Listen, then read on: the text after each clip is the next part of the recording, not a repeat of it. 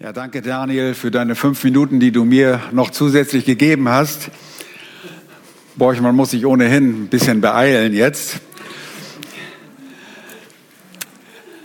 Ja, wir haben gedacht, wir ziehen einfach mal das Mahl des Herrn vor. Wir wollen uns nicht an irgendwelche Gewohnheiten oder Gewohnheiten äh, einschleichen lassen und denken, das muss immer genau so geschehen, wie wir es immer gemacht haben. Und äh, wir wollen uns dennoch dem Hauptteil zuwenden und das ist die Verkündigung von Gottes Wort. Und dort sind wir im Thessalonicher Brief. Ich möchte nur kurz in Erinnerung rufen, ich werde mich tatsächlich ein bisschen mehr beeilen.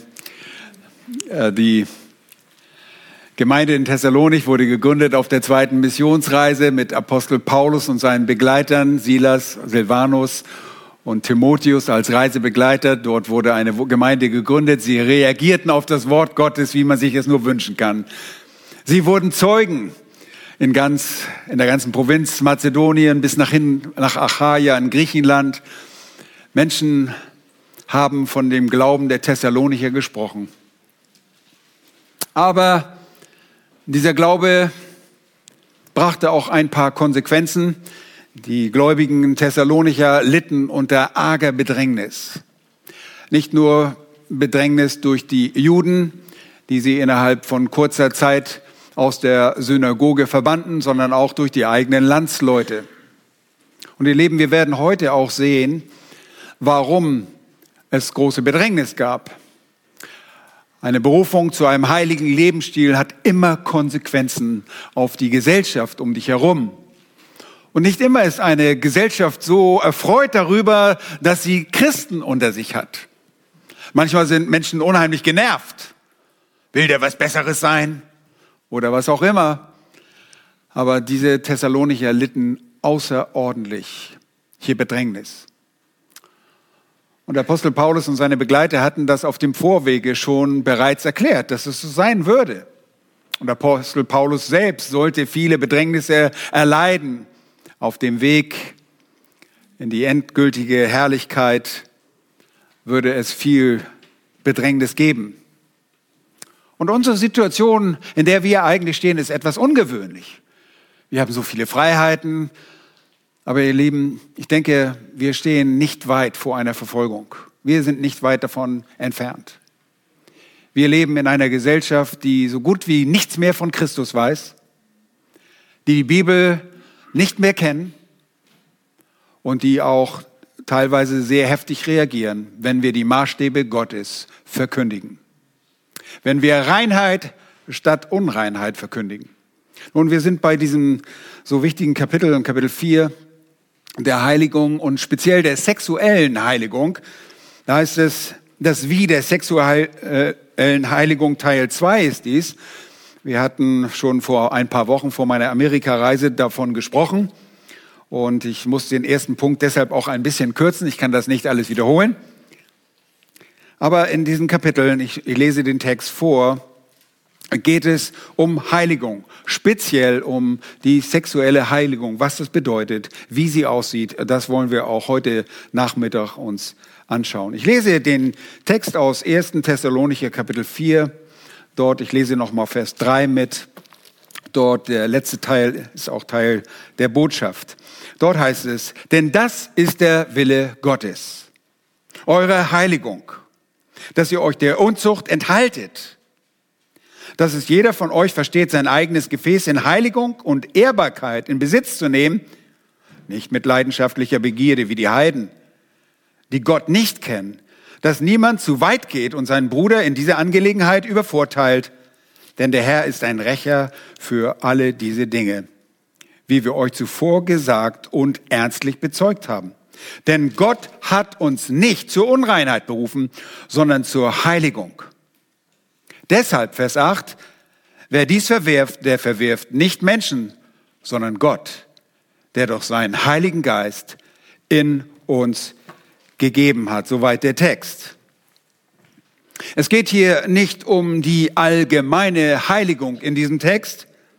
Zu der sind wir natürlich auch aufgerufen, aber hier wird ein Fokus auf die sexuelle, auf den sexuellen Bereich der Heiligung gelegt. Das Thema ist das Meiden der Unzucht und wie eine Heiligung auf dem sexuellen Gebiet aussieht. Nun, mit dem Wie zeigen die Missionare den Thessalonicher noch einmal etwas detaillierter, was die spezielle Absicht dieser Heiligung ist. Nun, sie hatten in, bereits in Vers 1 erwähnt, dass der Wandel immer verbesserungsfähig ist, dass man immer weiter wachsen kann. Kein Christ würde sagen, ich bin bereits angekommen, oder?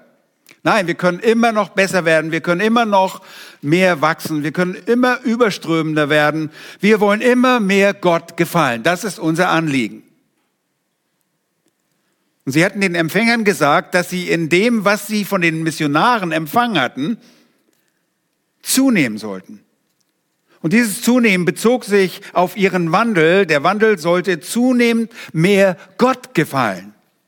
Das steht in Vers 1, Kapitel 4, Vers 1. Da heißt es weiter, nun ihr Brüder, bitten und ermahnen wir euch in dem Herrn Jesus, dass ihr in dem noch mehr zunehmt, was ihr von uns empfangen habt, nämlich wie ihr wandeln und Gott gefallen sollt. Das ist unser ganzes Anliegen. Und dazu gaben diese Männer jetzt nicht einfach einen allgemeinen Aufruf zur Heiligung, sondern etwas, was sie offenbar sehr nötig hatten, so wie ich denke, dass wir es auch sehr nötig haben, weil sich die Kulturen der damaligen Zeit und der unsrigen sehr ähneln in dieser Hinsicht. Wir sehen drei Abschnitte und in euren Schlachterübersetzungen, wenn ihr eine Schlachterübersetzung habt, dann seht ihr in Vers 3, der fängt mit, da ist ein das drin und Verse 4 und 5 fängt mit einem das an und Vers 6 fängt mit einem das an. Das zeigt es wie, diese Heiligung und teilweise die Motivation. Nun auch das Jerusalemer Konzil der Apostel und Ältesten füge ich immer hinzu, das wisst ihr. Da war nämlich Jakobus auch dabei, der das letzte Wort hatte auf diesem Apostelkonzil, wie man sagt. Äh, dort wurde beschlossen, dass die Heidenchristen sich der Unzucht enthalten sollten. Man sollte ihnen nichts weiter auferlegen. Und einer dieser Punkte, die man ihnen sagen sollte, ist, dass sie sich der Unzucht enthalten sollten. Sie sollten sexuell rein sein. Und es gab viele gläubig gewordene Heiden in Thessalonik, die diese Worte hören mussten, so wie wir heute auch. Also, das Wie der sexuellen Heiligung. Der erste Punkt, und das ist der Punkt, den ich noch kurz machen werde, ist durch das Gottwohlgefallen der Enthaltung. Wie? Durch das Gott Wohlgefallen der Enthaltung. Es ist Gott wohlgefällig, wenn wir uns in einem angemessenen Sinne enthalten der sexuellen Unzucht enthalten. Diese Aufforderung zur Heiligung, das Meiden der Unzucht, ist eine allgemeine Aufforderung, die dann in den Versen 4 und 5 genauer ausgeführt und die Motivation dann in den Versen 6 bis 8 aufgezeigt wird. Und wir haben uns damit beschäftigt und haben ein paar Details uns angesehen. Wir haben gesehen, ja, das ist nicht nur einfach, man hört diesen Befehl und hört einfach auf, sondern man muss sich damit beschäftigen. Denn das größte und das stärkste Sexualorgan, das wir haben, ist der Kopf. Das ist das, was wir denken. Und wir erinnert euch vielleicht, dass wir durch Psalm 119 und die Abteilung Bet gegangen sind, dass wir uns mit dem Wort Gottes beschäftigen, dass wir uns belehren lassen, dass wir unsere Sinne füllen mit dem Wort Gottes. Man enthält sich nicht einfach nur so und man kann sich nicht einfach nur so enthalten, sondern wir brauchen die Kraft des Wortes Gottes. Jede Art, hier sei nur wiederholt, dass die Enthaltung von Unzucht ein Aufruf von der Enthaltung von dem sexuellen Abirren ist. Jede Art von außerehelichem Umgang, der sexuell orientiert ist, ist eine Sünde gegen Gott. Jede Art der sexuellen Beziehung vor der Ehe und außerhalb der Ehe ist Gott nicht gefällig und verunreinigt den Menschen. Das ist deutlich. Und das sehen wir sogar deutlich, wenn wir durch dritte Mose lesen. Da sehen wir sogar, was Gott einem Gräuel ist. Wenn Mann und Mann beieinander liegen, wie ein Mann und eine Frau beieinander liegen. Das ist dem Herrn ein Gräuel. Das ist Unreinheit. Obwohl dieses Thema schon von Paulus und den Mitarbeitern angesprochen wurde, braucht es, bedarf es der anhaltenden Beherrschung Entschuldigung, ich habe eine Seite zu schnell, so schnell wollte ich nun wieder auch nicht gehen. Äh, wurde nun, obwohl Paulus das angesprochen hatte, haben sie das jetzt schriftlich in dem Brief festgelegt. Erinnert euch, die, der Apostel Paulus ging, reiste durch Thessalonich und musste nach weniger äh, Zeit dort weg. Aber sie hatten, er und seine Begleiter hatten dieses Thema bereits angesprochen. Und jetzt sprechen sie es nochmal an, so dass sie es schriftlich vorlegen hatten. Aber schon zuvor war es das Wort Gottes. Und in 1. Thessalonicher 2, Vers 13 wird es deutlich, dass die Thessalonicher das Wort Gottes erkannten in den Worten des Apostels. Nun, es war ein aktuelles Thema damals und es ist es heute. Durch die wachsende Offenlegung der Schamlosigkeiten sind selbst Christen in großer, großer Gefahr. Die Schamgrenzen werden heute bereits im Leben von Kindern bewusst früh abgebrochen. Ja, ich kann euch nur an eine Begebenheit erinnern, als wir in ein Schwimmbad in Eberswalde waren und der Bademeister sagt, äh, das geht nicht so, so kann dein Kind hier nicht rumlaufen, das muss kürzer sein und die sind überhaupt so scheu geworden, die wollen ja nicht mal nackt duschen.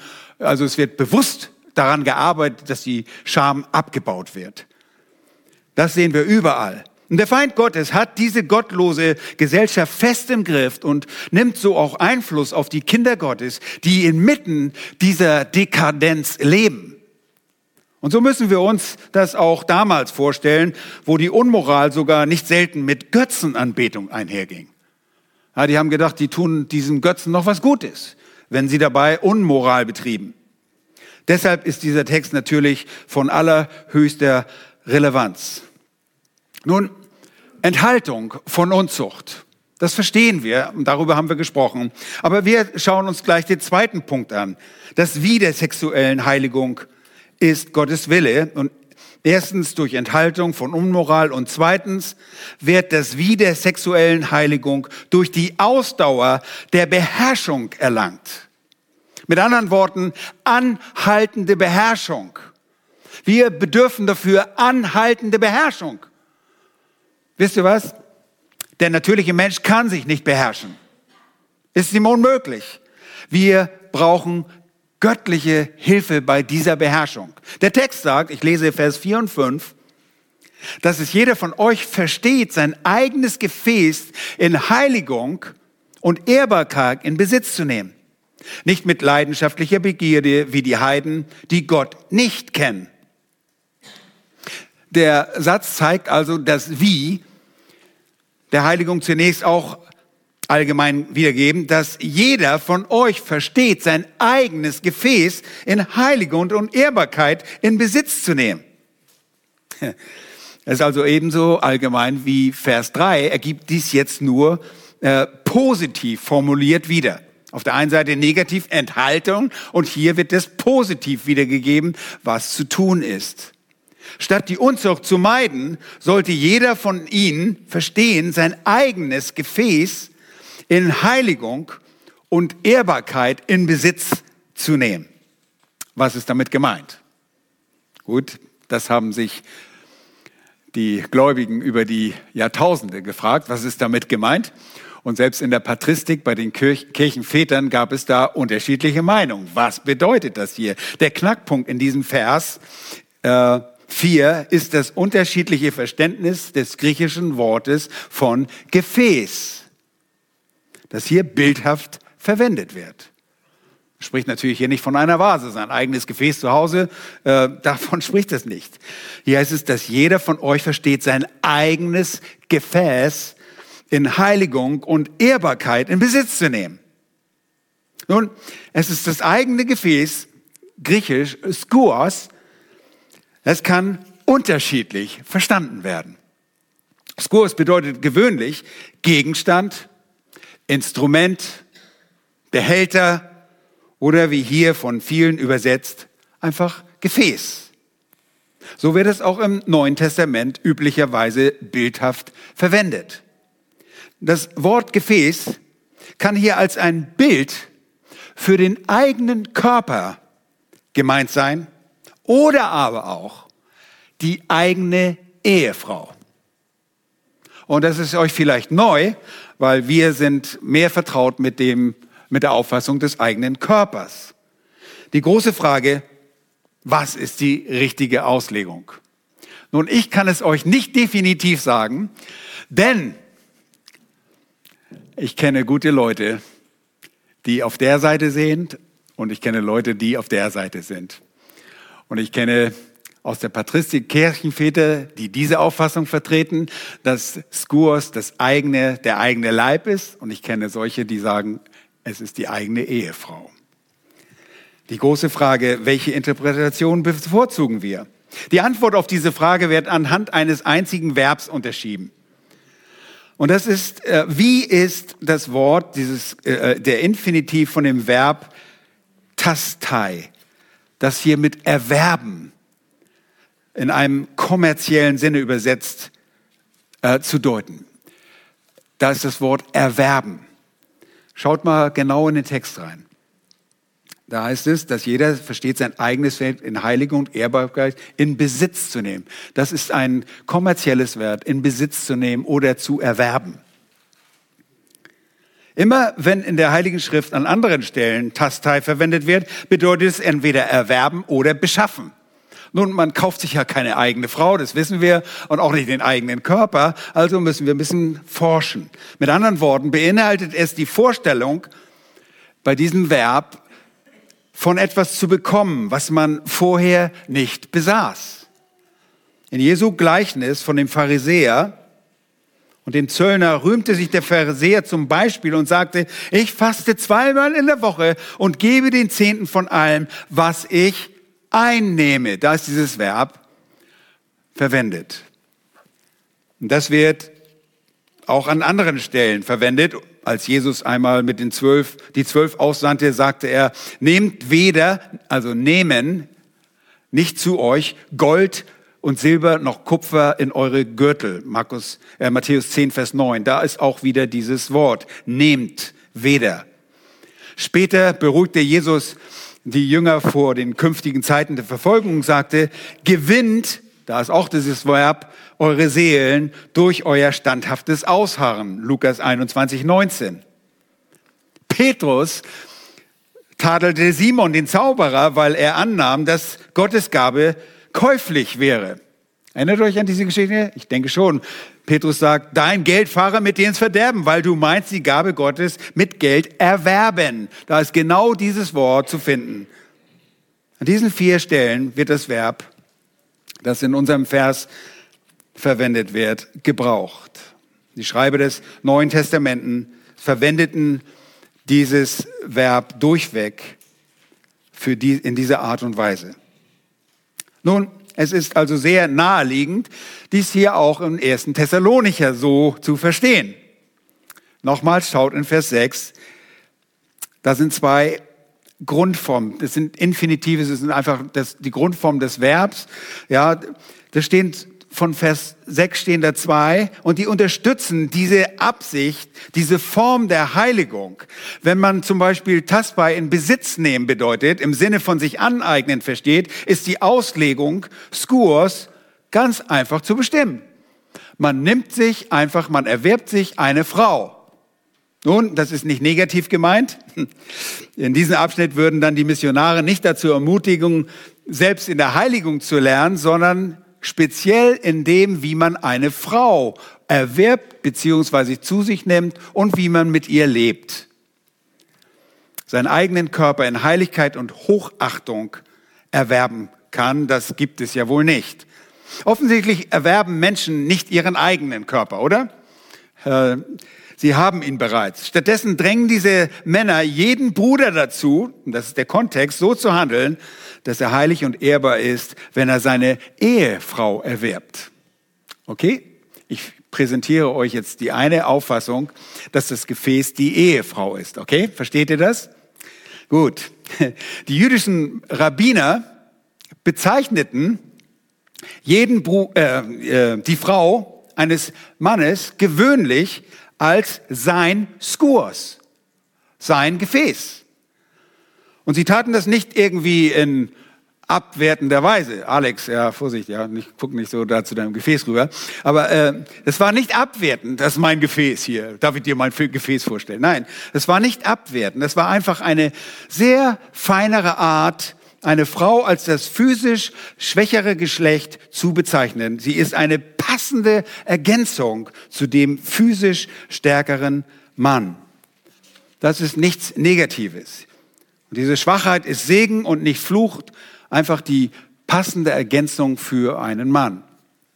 Jahwe hat diesen Segen im Sinn, als er Eva als geeignete Gehilfin für Adam erschuf. Nun tatsächlich verwendet sogar Petrus in seinem ersten Brief äh, einmal das Hauptwort Skuos, sowohl direkt für die Frau äh, des Mannes als auch implizit für den Mann der Frau. Er schreibt in 1. Petrus 3, Vers 7, Ihr Männer sollt gleichermaßen einsichtig mit eurer Frau als dem schwächeren Gefäß zusammenleben und ihr Ehre erweisen, weil ihr ja gemeinsam Erben der Gnade des Lebens seid, damit eure Gebete nicht verhindert werden. Seht ihr, hier wird also die Frau als ein Gefäß bezeichnet. Die Autoren des Neuen Testaments verbinden allerdings dieses griechische Wort erwerben nicht ausschließlich für das Erwerben eines, äh, einer Ehefrau. Okay? Das, das ist nicht ausschließlich so. Die Verwendung dieses Verb kann man in dieser Hinsicht jedoch in der Septuaginta finden. Die Septuaginta ist die griechische Übersetzung des alten hebräischen, des hebräischen Alten Testaments, des Tenachs. Ja? Dort wird einmal von Boas gesagt, äh, bei seinem Heiratsankündigung an die Ältesten von Bethlehem. Da sagt er in Ruth Kapitel 4 und Vers 10, Boas sagte, ich habe auch erworben Ruth. Das ist dieses Verb im Griechischen, in dieser griechischen Übersetzung des Alten Testaments. Die Moabiterin, die Witwe Malons, als meine Frau. Okay? Das ist Ruth 4, Vers 10. Er hat sie erworben. Er hat sie zu sich genommen. Es gibt auch einen Vers in den Apokryphen. Nun sagt nicht, Borchmann hat jetzt die Apokryphen verkündigt, aber ich zeige euch nur, dass dieses üblich war. In dem Buch Serach wird dieses Verb verwendet, Taumai auf eine ähnliche Weise verwendet. Da heißt es nämlich in Sirach 36, Vers 26, der Herr möge mir verzeihen, dass ich hier die Apokryphen von der Kanzel zitiere. Da heißt es, wer eine Frau erwirbt, und tatsächlich, da ist dieses Verb, erwirbt nochmals dieses Verb, noch mehr eine Hilfe. Er erwirbt eine Hilfe, die ihm entspricht und eine Stütze, bei der er Ruhe findet. Ja, übrigens eine tolle Wahrheit eigentlich, ne? aber ist nicht inspiriert. Das wollte ich euch nur sagen. Wenn wir diese Dinge in Erwägung ziehen, dann gäbe es durchaus Sinn, darin zu sehen, dass damit das Erwerben einer Ehefrau gemeint ist. Und das war in heidnischen Kreisen nicht auf eine sehr schöne Art und Weise geschah das. Oftmals wurden Frauen einfach entführt und auf eine Art und Weise mit Gewalt genommen. Ja, oder man vereinbarte eine Hochzeit zwischen einem Sohn und einer Tochter und man hatte keine äh, Möglichkeit, selbst Einfluss darauf zu nehmen. Es war jedenfalls nicht eine ehrbare Art und Weise, wie es unter den Heiden gehandhabt wurde. Es war in leidenschaftlicher Begierde. Und äh, ich möchte nicht auf alle Details darauf eingehen, das ist nicht jugendfrei, aber es ist einfach nicht schön, die Art und Weise, wie die Heiden mit einer Frau umgegangen sind. Nun, die Auslegung von das eigene Gefäß erwerben oder in Besitz nehmen, darüber, wie gesagt, argumentierten schon die Kirchenväter. Und sie sagten, ah, das Beispiel von Deoto, äh, Theodoretos aus der Schule äh, Antiochens in Syrien und Ambrosiata und Pelagius und Tertullian Pelagius mögen wir nicht so gerne, das weiß ich. Sie sprachen sich dafür aus, das Gefäß als den eigenen Körper zu beherrschen, zu betrachten. Okay?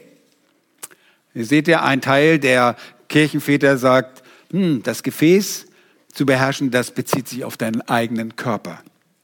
Andere Kirchenväter, so wie Theodore von Mopsiestia und der große Augustinus von Hippo, äh, sie plädierten dafür, an dieser Stelle seine eigene Frau, das Gefäß zu erwerben.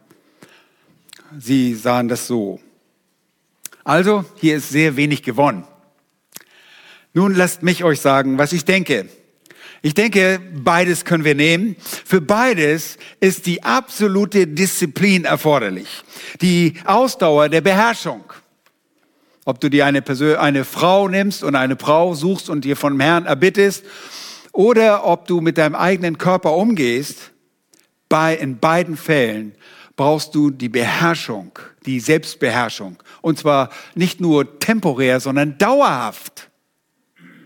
Wir als Kinder Gottes müssen uns durch Selbstbeherrschung auszeichnen. Wir dürfen uns nicht durch unsere Gefühlswelt leiten lassen. Das ist eine große Gefahr. Und wir alle können davon ein Lied singen, dass wir uns von unseren Gefühlen in die Irre haben leiten lassen. Wir brauchen Beherrschung.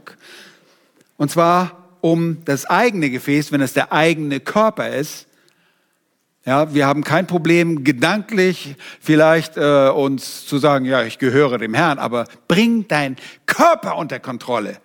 Paulus sagt in Römerbrief Kapitel 12, nachdem er in elf Kapiteln über die Barmherzigkeiten Gottes sprach, sagt er, lasst uns unsere Leiber hingeben als ein lebendiges Opfer. Es geht um die Leiber, die wir beherrschen müssen und die wir Gott anvertrauen müssen. Und das ist erforderlich, wenn wir Gott wohlgefällig leben wollen.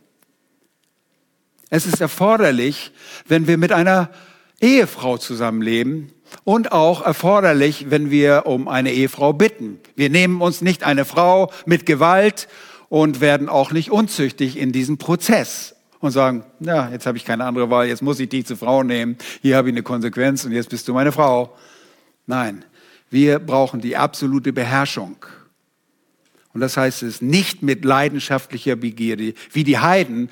Und Heiden ist einfach das Wort Ethnos äh, oder Ethnos. Äh, und äh, das bezieht sich auf die Ungläubigen. Hier heißt es, die Gott nicht kennen. Die interessiert es nicht. Die machen, was sie wollen. Die haben ihren eigenen Maßstäbe. Und da diktiert das Fleisch. Uns soll das Fleisch nicht mehr regieren, sondern der dem Herrn geheiligte Wille. Das ist der Wille Gottes, eure Heiligung. Heiligung, nochmals, was bedeutet es? Wir sondern uns ab. Wir laufen nicht in denselben Schlamm wie die Welt. Wir heiligen uns, wir unterscheiden uns und so mancher sagt, du spinnst. Du musst, kannst doch nicht die Katze im Sack kaufen. Du musst doch erstmal ausprobieren, ob diese Frau zu dir passt oder dieser Mann. Nein. Wir unterscheiden uns wir heiligen uns und wir beherrschen uns. Genau das ist das, was der Text will. Egal in welcher Hinsicht das ist, es bezieht sich letztlich auf jeden Bereich, aber hier ist es in Anwendung auf den Bereich der Sexualität. Und ich sehe jetzt schon, eigentlich müsste ich jetzt schon aufhören, aber wir müssen weiter. Wir sollen uns also sexuell heiligen.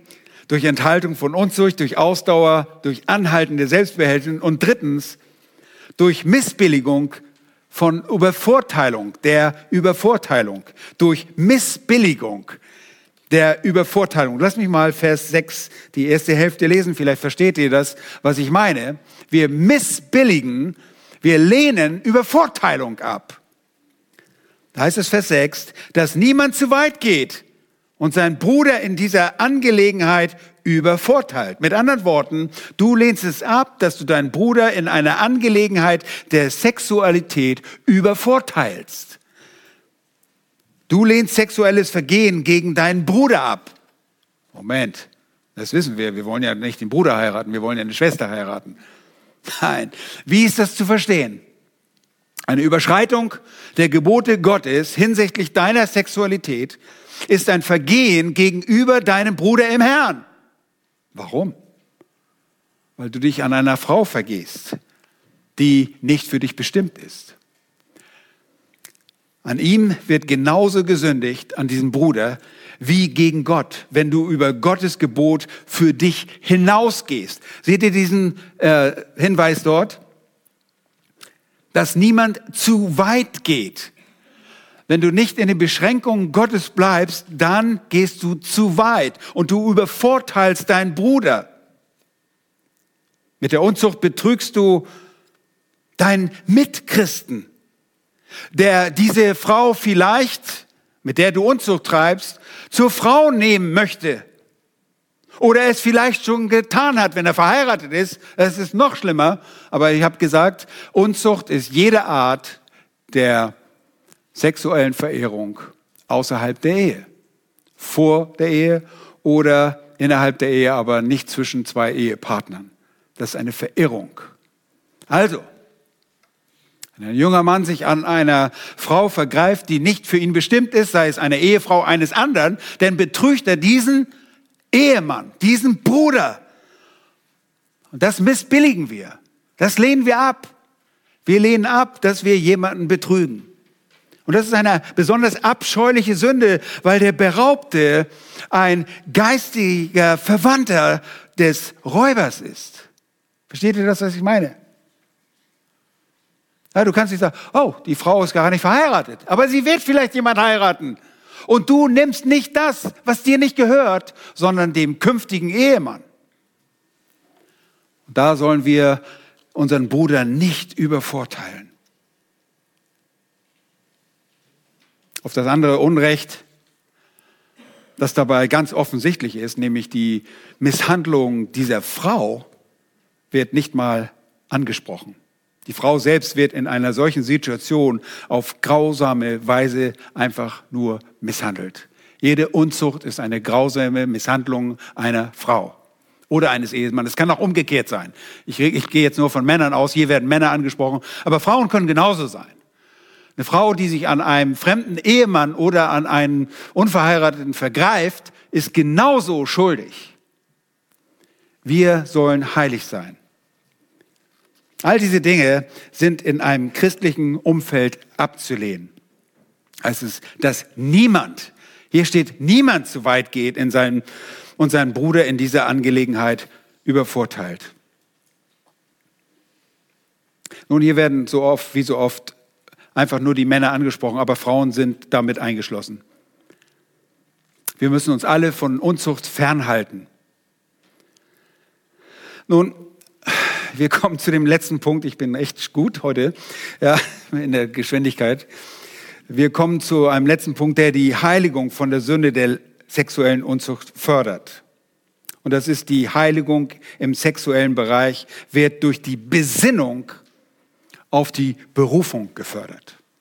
Mein vierter Punkt, durch die Besinnung auf die Berufung.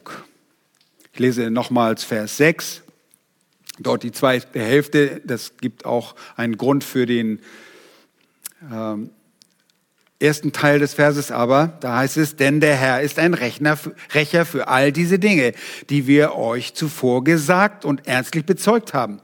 Denn Gott hat uns nicht zur Unreinheit berufen, sondern zur Heiligung.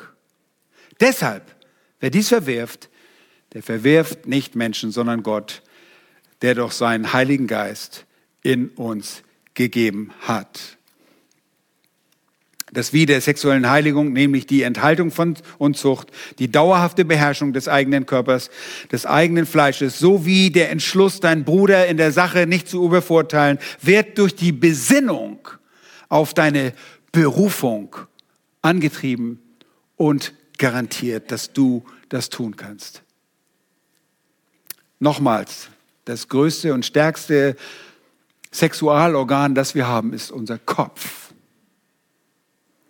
was immer Psychologen und sonst irgendwas sagen, es ist der Kopf, was entscheidend ist. Es ist Furcht, die uns motiviert, Gott zu gefallen. Denn der Herr, heißt es hier, ist ein Rächer, ein Vergelter für all diese sexuellen Vergehen. Es gibt eines Tages ein Gericht und Gott wird den Sünder richten. Und wisst ihr was? Auch wir werden vor Gericht stehen, vor dem Richterstuhl Jesu Christi. Und wenn wir untreu sind, werden wir für unsere Untreue zur Rechenschaft gezogen. Und das sollte uns rechtmäßig auch Furcht angeben. Ja, wir können sagen, oh, wir haben doch vorhin das Mahl des Herrn gefördert. Du hast gerade gesagt, alle unsere Sünden sind vergeben. Jetzt können wir losleben, wie wir wollen. Nein. Wir geben Rechenschaft. 2. Korinther 15, der Richterstuhl Jesu Christi, Römer 14, Vers 10. Wir werden uns verantworten. 1. Korinther 3 redet von einem Preisgericht. Wir können gerettet sein, aber wie durchs Feuer hindurch, weil unsere Werke verbrennen können. Deshalb ist Treue von uns gefordert. Nun, der Herr wird nicht unmittelbar ein Vergelter sein. Das kann sein. In der Gemeinde zu Korinth waren sogar einige gestorben, weil sie das Mahl des Herrn nicht ernsthaft gefeiert haben. Das waren einige entschlafen. Das ist eine Beschönigung, eine Umschreibung. Aber er ist nicht unmittelbar der Richter. Aber es kommt ein Gericht, wo selbst das Verborgene aufgedeckt wird. Das soll nicht so sein. Wisst ihr, ihr Lieben, es ist vielmehr Dankbarkeit, die uns motiviert, Gott zu gefallen. Denn er hat uns den Heiligen Geist gegeben. Ist euch dieser kleine Satz aufgefallen hier hinten in Vers 8? Wir missachten diese Dinge nicht, sondern wir wollen sie beachten, denn Gott hat uns seinen Geist in uns gegeben. Was bedeutet das? Wir sind zur Behausung Gottes im Geist. Wir sind der Tempel des in uns lebenden Heiligen Geistes. 1. Korinther 6 spricht sehr deutlich davon. Wenn Gott in uns lebt, dann soll dieser Geist uns beherrschen. Tut er das immer? Leider nein. Leider sind wir oft auch mal dabei, dass wir den Geist betrüben. Ja? Und dann sind wir in besonderer Gefahr, in großer Gefahr. Und wir müssen uns wieder neu reinigen. Ist euch aufgefallen? In diesem Text spricht es, Gott hat uns nicht wozu berufen? Zur Unreinheit. Ihr Lieben, wir haben das dritte Buch Mose zusammen als Gemeinde durchgelesen. Und ihr fragt euch, welche Gemeinde macht denn das? Erinnert ihr noch? Wir haben Sachen über Unreinheit und Reinheit gesprochen. Gott liebt Reinheit. Er möchte reine Dinge haben. Und er möchte absolute Perfektion. Und du kannst doch nur gerettet sein mit einer perfekten Gerechtigkeit. Und die haben wir nicht. Deshalb brauchen wir Christi Gerechtigkeit. Dennoch wollen wir jetzt danach streben und rein sein. Dazu hat er uns berufen. Hier spricht er von einer wirksamen Berufung zum Heil. Heil bedeutet, dass wir uns heiligen und dass wir Reinheit anstreben. Wir sind nicht zur Unreinheit berufen. Die Berufung ist eine Berufung zur Reinheit. Und in diesem Licht können wir verstehen, was Heiligung ist. Wir sondern uns ab. Wir rennen nicht mit, dem, mit dieser Gesellschaft in den Schlamm dieser Welt und wühlen uns in dem Schlamm, in dem dich Menschen ohne Gott wühlen. Und wenn du dich gedanklich versündigst, und da fängt es an, Ihr Lieben, deshalb, das stärkste Organ ist unser Kopf. Geben wir uns Christus hin. Wenn du dich versündigst, dann musst du umkehren. Weil jede Tat fängt wo an? Im Kopf. Du wirst nicht sexuelle Unmoral betreiben, weil du die Gelegenheit gerade mal dazu hast. Nein, es ist das, was du in deinen Gedanken bewegst. Wenn du dich gedanklich versündigst oder in der Tat versündigt hast, dann gibt es keine Option für dich, als nur zum Herrn zu fliehen und zu sagen, Herr, fülle du meine Gedanken. Und dann hast du eine Verantwortung. Wisst ihr, warum wir immer sagen, lest dir die Bibeln, meditierte über dem Wort, denkt er über dem Wort nach. Ich möchte das Wort in diesem Sinne verstanden wissen. Wir müssen das Wort in uns leben lassen. Lasse das Wort unter euch reichlich wohnen, in euch wohnen, sagt Paulus im Kolosserbrief. Wir müssen von dem Wort Gottes bestimmt sein. Immer da, wo wir uns nicht beschäftigen, kommen andere Gedanken. Das ist Anbetung. Wenn wir uns mit Gott beschäftigen, das ist Anbetung. Wir denken immer über irgendetwas nach. Immer. Ja, vielleicht hat irgend gerade irgendwann eine Schönheit dein, deine Gedanken in Beschlag genommen.